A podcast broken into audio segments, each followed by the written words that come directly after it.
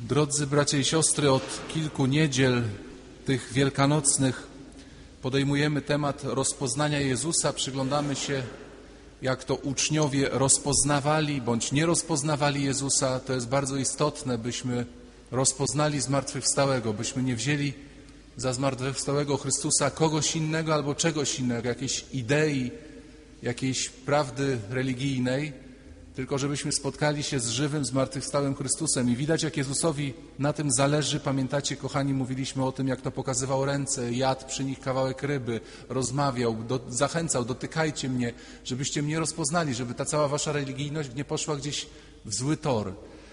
I dzisiaj mamy podobną sytuację, kiedy Jezus się sam przedstawia. On mówi, kim ja jestem, żebyście wiedzieli, kim ja jestem, żebyście właśnie mnie odkryli, mówi te słowa: Ja jestem dobrym pasterzem. Y, przyszło mi do głowy, uświadomiłem sobie jakoś, że Jezus niejednokrotnie się tak przedstawiał, mówiąc o sobie, kim On jest. Kim On jest, żebyśmy się nie pomylili, kto do nas przyszedł. Więc powiedział dzisiaj: Ja jestem dobrym pasterzem. W innym miejscu powiedział: Ja jestem bramą, jestem bramą owiec. W innym miejscu powiedział: Ja jestem zmartwychwstanie i życie. W jeszcze innym miejscu powiedział: Ja jestem drogą, prawdą i życiem. Być może są jakieś jeszcze inne takie fragmenty, te, te sobie przypomniałem. Ja jestem dobrym pasterzem, bramą, zmartwychwstanie i życie, drogą, prawdą i życiem. Proszę zwrócić uwagę, że Jezus nigdy nie mówi: Ja jestem waszym doradcą w trudnych sytuacjach. Mówię to, proszę Państwa, jeszcze raz, bo jest wiele rozczarowań, że przyszedłem do kościoła, przyszłam do kościoła, a kościół mi nie pomógł ale my księża nie jesteśmy często od tego. My się nawet na wielu rzeczach pedagogicznych, jakichś tam związanych z życiem seksualnym po prostu nie znamy. Ludzie wiedzą, niech mi ksiądz da radę. Ja mówię, że my nie dajemy rady. Jesteśmy od rad. Jakąś możemy dać, ale to jest y, bardzo ryzykowna sprawa. My jesteśmy od formacji, przewodniczenia, od prowadzenia owiec do bramy, którą jest Jezus Chrystus. Chrystus nie mówi, ja jestem doradcą w sprawach damsko-męskich. Proszę Państwa, ja rozumiem, że taki czas, ale ile ja listów dostaję, żeby dopasować chłopaka do dziewczyny, dziewczynę do chłopaka i pomóc im się zejść. Ja nawet bym to spróbował zrobić, tylko że miał list z nieba, że oni mają być ze sobą. Bo ja mogę im za dobrze doradzić, oni się mocno zejdą, a po pół roku dostanę list i po co ksiądz do mnie przykleił? Więc to są sprawy... Jezus nie mówi, ja jestem towarzystwem ubezpieczeniowym. Jak tobie będzie źle, to ja ci wtedy pomogę. Ja, ci, ja, ci, ja cię pocieszę, ja ci wypłacę jakąś, jak towarzystwo ubezpieczeniowe. Jak się spalisz, to ci wypłacimy pieniądze. Jezus tego nie mówi. Jezus mówi, jestem dobrym pasterzem, jestem bramą, jestem zmartwychwstaniem i życiem, jestem drogą, prawdą i życiem. Jezus mówi, jestem dobrym pasterzem i od razu podaje, co to znaczy dobry pasterz, bo pasterz owce swoje, y, życie swoje oddaje za owce. Jest Chrystus dobrym pasterzem, bo nas dobrze prowadzi. Jezus doskonale wiedział, że będzie dużo na jego temat oszczerstw i kłamstw i buntu i zniechęcenia, że będą ludzie mówili, on postradał zmysły, to jest, to jest po prostu od Belzebuba uczeń, e, on nas źle prowadzi, to jest, te słowa Jezusa szczególnie mocno brzmią dzisiaj w, w czasie takiej kontestacji Kościoła, dokąd nas Kościół prowadzi, nie zezwalając na in vitro, a na antykoncepcję, nie zezwalając na rozwody, każąc ludziom się męczyć ze sobą do końca życia, sprzeciwiając się wychowaniu seksualnemu. Dokąd Kościół prowadzi? Proszę zwrócić uwagę, jaka jest taka zmasowana krytyka Kościoła, a Jezus mówi, jestem dobrym pasterzem i Kościół, któremu wam daje, jest dobrym pasterzem. Yy, to nasza pycha sprawia, że nie chcemy poddać się często tej drodze Pana Boga, bo my mamy oczekiwania według naszej mądrości. Dam Państwu przykład, który osobiście nam, dla mnie jest takim ostatnim znakiem, znakiem ostatnich dni drobiazg. Na zewnątrz drobiazg. Proszę Państwa, byłem ze znajomymi, jak to się mówi, na mieście w centrum i chcieliśmy szybko wrócić na Stare Miasto, więc wzięliśmy taksówkę z ulicy Marszałkowskiej. Jak ja potem sobie uświadamiałem, jak ja w sercu to sobie zaplanowałem, aha, z Marszałkowskiej weźmiemy taksówkę, to on będzie musiał pojechać do Świętokrzyskiej skręcić w prawo, potem Emilii Plater przez Plac Grzybowski, bo ja tak często jeżdżę. Skoro ja tak często jeżdżę, to taksówkarz też tak pojedzie, nie? Logiczne. I jeszcze będziemy jechać przez Plac Grzybowski, to ja znajomym powiem, o, największy kościół w Warszawie, wszystkich świętych, se zaplanowałem, oni, ja usiądę z tej strony, niech oni usiądą z prawej, to ten kościół będą dobrze widzieć i ja im powiem, największy kościół w Warszawie, patrzcie, widzicie? Proszę Państwa, wsiedliśmy taksówkę i w moim sercu się wszystko automatycznie zaplanowało. A pan taksówkarz dojechał do Świętokrzyskiej i pojechał dalej w stronę Placu Konstytucji. Dokąd pan jedzie? Dobrze jadę. Niedobrze pan jedzie. Przecież ja zawsze... I zaczynam się z nim sprzeczać. A on jedzie w stronę Placu Konstytucji. No proszę Państwa, w drugą stronę niż Stare Miasto. Każdy warszawiak to powie.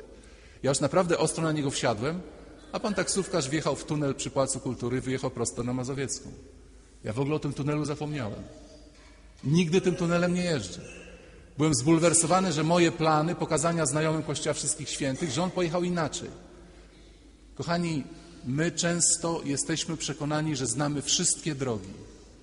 Jak będę miała męża, to będę szczęśliwa, jak nie będę, to będę nieszczęśliwa. Dwie drogi przede mną. A jeszcze są 74 inne. Tylko my o nich nie wiemy. Są te tunele i skróty, a Pan Jezus je zna. I my sobie coś wyobrażamy. Ja dopiero sobie y, y, uświadomiłem, jak ktoś nam niszczy nasze marzenia i oczekiwania, jak my się wtedy na niego buntujemy. Niejedna pani kupiła mężowi jakiś tam swetr zielony i automatycznie sobie wyobraziła, że tak jak wróci z pracy, to mu ten nowy swetr tak zarzuci na szyję i go tak za te rękawy przyciągnie i pocałuje, bo kiedyś tak w filmie widziała. I mówi mężu, mam dla ciebie swetr, ale chodź do pokoju, to ci dam. A on mówi, ja się spieszę, daj mi tutaj, bo, bo wrócę. No masz swetr zielony? On mówi, jeden zielony już mam. No widzicie, jaki drań, no? I chciałem mu zarzucić ten swet, a on powiedział, nie dotykaj mnie, bo jestem brudny i spocony, muszę pierw się wymyć. I, i, I wszystko było nie tak, jak ja planowałam. On się miał ucieszyć i miał powiedzieć, o, zielony, mój ulubiony kolor. A on tak nie powiedział. Moja żona się miała cieszyć, mieliśmy jechać na grilla, miało być fajnie, a było nie fajnie, a miało być to. Pan Bóg jest dobrym pasterzem i poprowadzi cię niekiedy taką drogą, że jesteś totalnie zaskoczony. Jak ja byłem totalnie zaskoczony tym tunelem przy, przy Kultury. Ja wiedziałem, że on jest, tylko ja go nigdy nie używam, jeżdżąc samochodem po Warszawie. I dlatego byłem niepotrzebna kłótnia. Głupio mi się zrobiło, bo ten facet miał rację. Ja go posądziłem, że chce mi nabijać licznik taksometru. Zastanówcie się, Zastanówmy się, czy mój bunt, mój gorycz, moje niezadowolenie nie wynika z tego, że ktoś mnie poprowadził inną drogą. Wyobraż... Ludzie sobie wyobrażają, jakie będę miał dziecko, jakie oczy, jak, jakie będzie miał talenty, pójdzie na studia. Potem, potem rodzice nieraz próbują wtłamsić dziecko w te swoje marzenia i oczekiwania, ale, ale my planujemy szczegóły, naprawdę planujemy szczegóły nawet. I potem one się nie sprawdzają. Jezus jest dobrym pasterzem, prowadząc nas inną drogą, niż myśmy się spodziewali. Dobrym pasterzem, bo oddaje życie za owce swoje. Kochani, tutaj taka dygresja. My mamy przyjaciół i nieprzyjaciół, tak mówię skrótowo. Bardzo często przyjacielem jest kolega, koleżanka. Dość często nieprzyjacielem jest matka, która mnie nie rozumie, mój ojciec, który mnie nie rozumie, moja siostra, z którą się nie mogę dogadać. No ci, ci nasi bliscy są często tymi, których jakoś skwalifikujemy do grupy tych nieprzyjaciół, z którymi toczymy boje słowne na milczenie.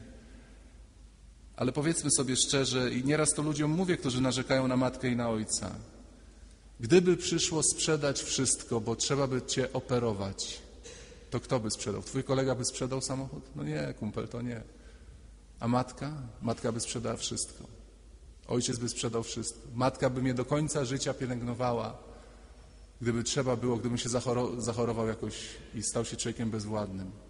Przypominam sobie historię narzeczeństwa które się bardzo kochało, bardzo kochało, przygotowało do ślubu. Do ślubu był już miesiąc i ta dziewczyna miała wypadek samochodowy i amputowano jej nogę. Proszę Państwa, ten narzeczony nie przyszedł się z nią w ogóle nawet pożegnać. Prostu zwiał, gdzie pieprz rośnie, jak się dowiedział, że jego narzeczona straciła nogę. A matka, rodzina pielęgnowali do końca życia.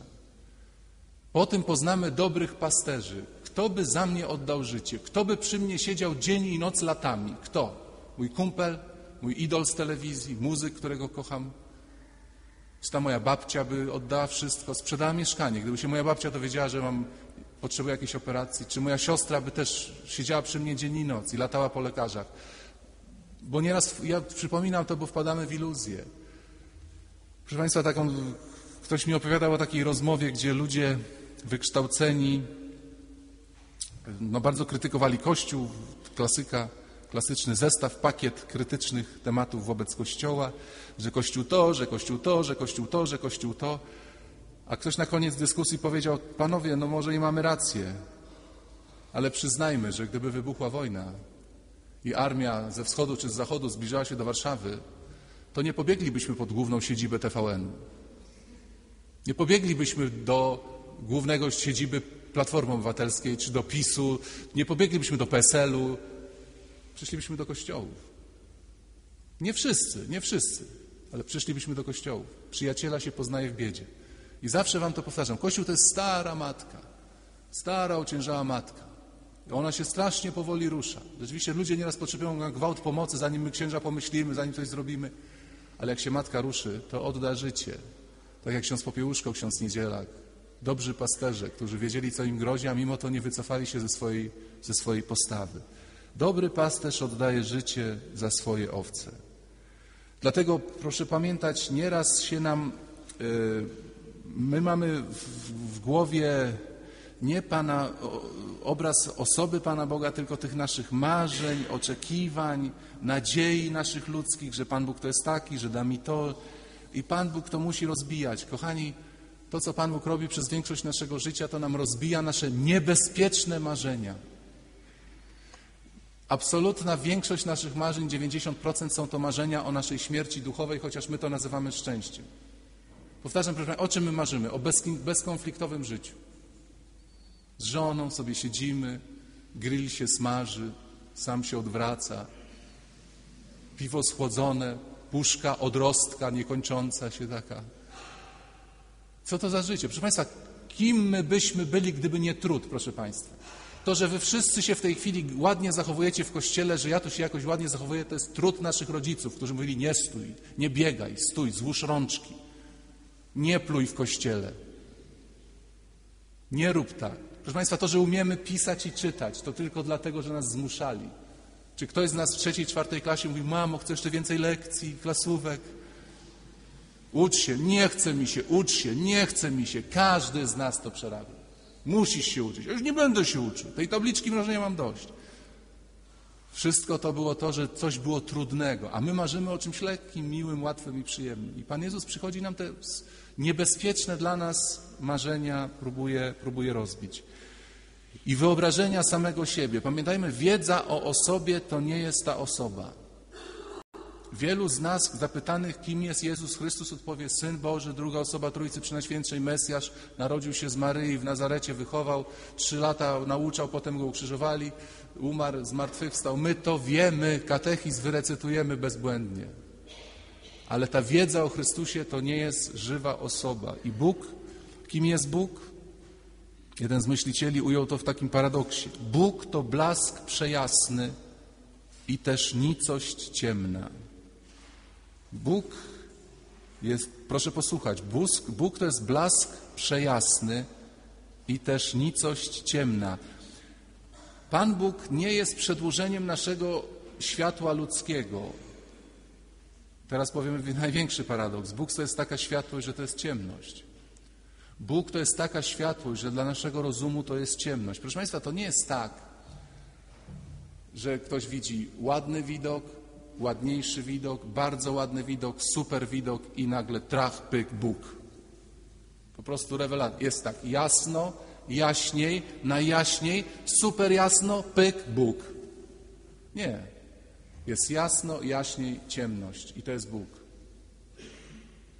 Jezus mówił, że jest światłością, ale ta światłość Jego to dla naszego rozumu to jest ciemność.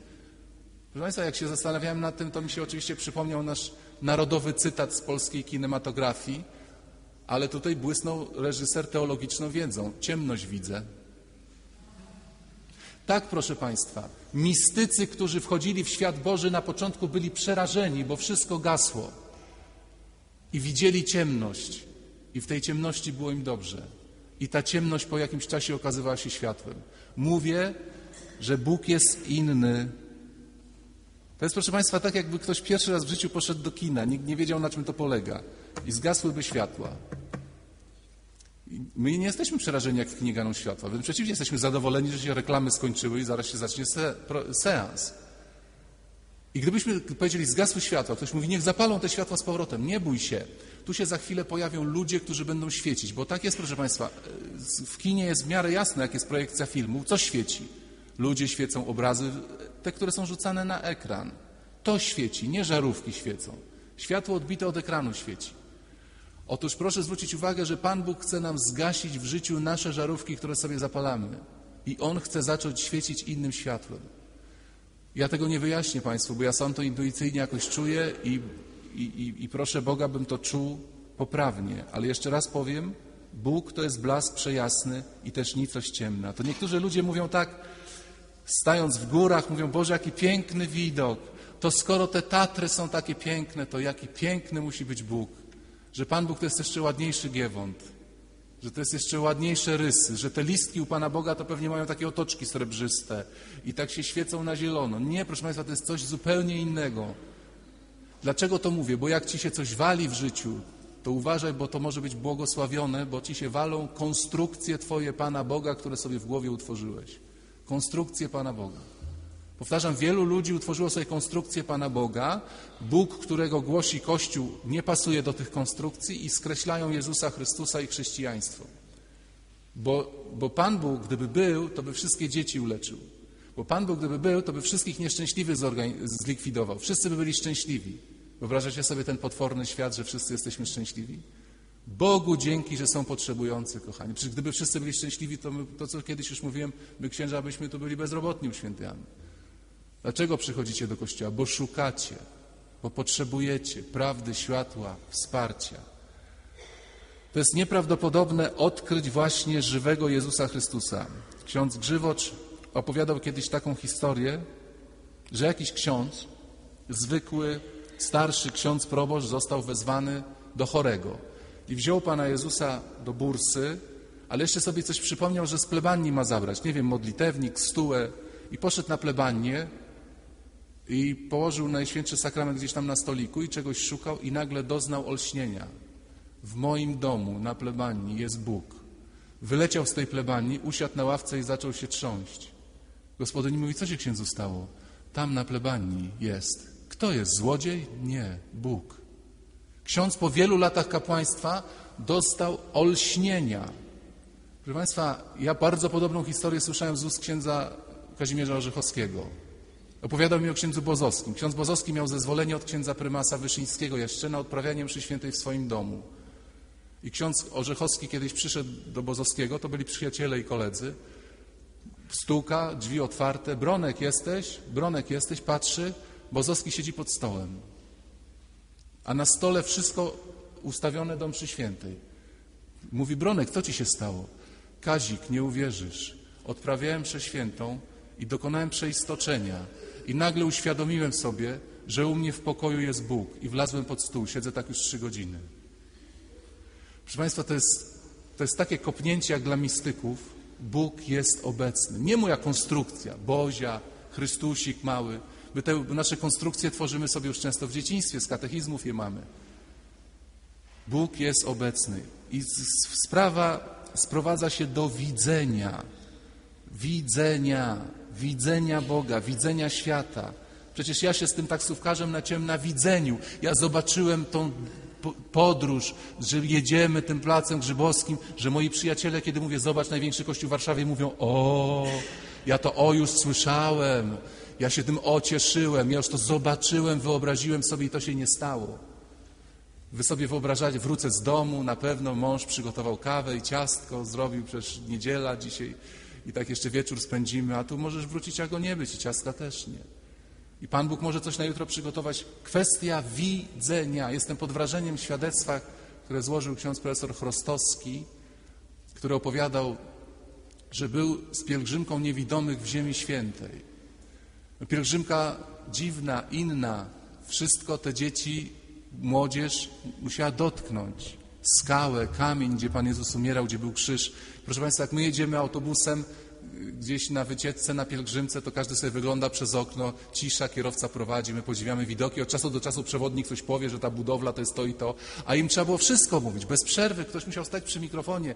Przejeżdżamy teraz przez to, z prawej strony są osiołki. Ksiądz Krostowski opowiada, jak, oni, jak one wielbłądy oglądały te dzieci z jakim przejęciem oczami. Ale do czego zmierzam? No i pielgrzymka niewidomych się odbyła. Wrócili do Warszawy samolotem, wylądowali na Okęciu, przeszli przez bramki i oczekują rodziny na powrót pielgrzymów. I była jedna pani na pielgrzymce od urodzenia niewidoma, a jej córka, widząca, witała mamę. I ksiądz Krostowski to słyszał. Mówi, mamo, mamo, już wróciłaś z pielgrzymki do Ziemi Świętej. Mamo, jak pielgrzymka? A ta niewidoma od urodzenia kobieta mówi do swojej córki, córeczko, ile ja widziałam, ile ja zobaczyłam. O, to ksiądz Rostowski już uszu mówi, nadstawiam. A córka mówi, ale mamo, co ci się w tej ziemi świętej najbardziej podobało? Najbardziej? Chyba Galilea, taka zielona. Niewidomy człowiek od urodzenia.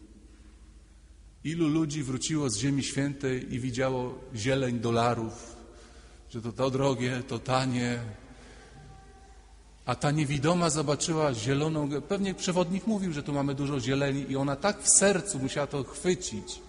Proszę Państwa, uważajcie na swoje widzenie. Uważajcie na widzenie Boga, uważaj na widzenie matki, uważaj na widzenie chłopaka, uważaj na widzenie taksówkarzy, uważaj.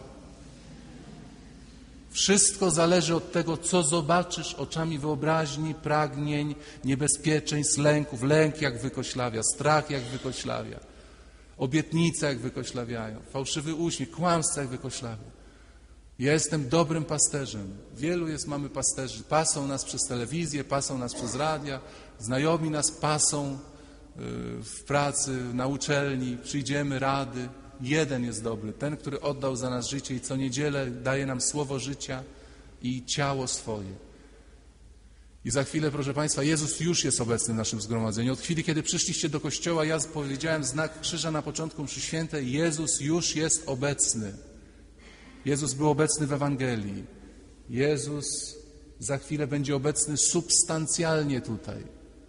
Mam nadzieję, że nikt z nas pod stół nie wskoczy, ani nie wyleci z kościoła, ale to jest naprawdę, Panie Boże, te moje ślipia weź mi przeczyść, żebym się tym zachwycił, zobaczył Twoją dobroć, Twoją opiekę, tą nieprawdopodobnie głęboką, mądrą, wyprzedzającą moje oczekiwania na 20-30 lat.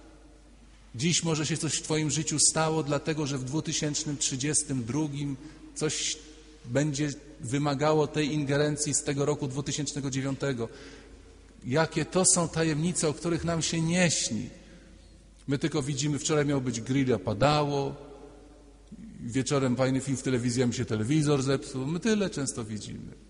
Maturę widzimy za parę dni, nieszczęście największe na świecie. Za dwa pół roku zapomnimy o tej maturze niektórzy maturzyści. Boże drogi, daj mi to zobaczyć, że jesteś naszym dobrym pasterzem i że Ty mnie znasz. Co mówi szatan? Zapomniał o Tobie Chrystus. Nic go nie obchodzisz. Szatan tak logicznie mówi, przecież on ma 6 miliardów ludzi, to jakby się Tobą przejmować. Polsce ma 40 prawie milionów, a on Cię zna, paznokcie, włosy, marzenia, tęsknoty, dzieciństwo, zna wszystko i daje to, co najlepsze dla Ciebie. Chryste, otwórz moje oczy, aby mógł Ciebie rozpoznać, poznać Cię i zachwycić się Tobą. Mamy dobrego pasterza, możemy do niego kierować nasze prośby. Uczyńmy więc to z głębi serca, módlmy się za Kościół święty, aby ludzie ufali Chrystusowi pasterzowi, podążali za nim jako mądre owce szukające źródeł zbawienia. Ciebie prosimy. Pomódlmy się za ludzi rozgoryczonych, zbuntowanych, bo nie spełniają się ich marzenia, wyobrażenia, by uwierzyli w to, że Boży plan wobec nas przekracza wszystkie nasze najśmielsze i największe marzenia tysiąckrotnie. Ciebie prosimy. Pomódlmy się w intencji wszystkich, którzy będą powracać z wypoczynku tych dni, by szczęśliwie dotarli do domów. Ciebie prosimy.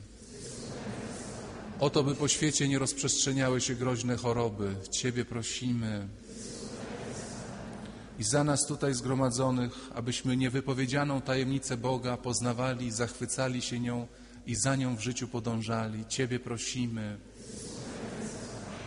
Panie Jezu Chryste, dobry pasterzu, prowadź nas drogami Twojej mądrości, a daj nam ducha wiary, który żyjesz i królujesz na wieki wieków.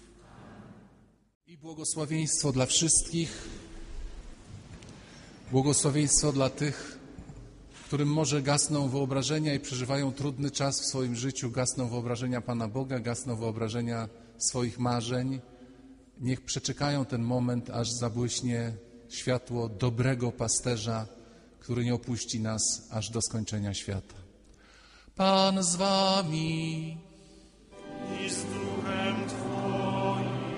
Niech was błogosławi Bóg Wszechmogący, Ojciec i Syn i Duch Święty. Idźcie w pokoju Chrystusa.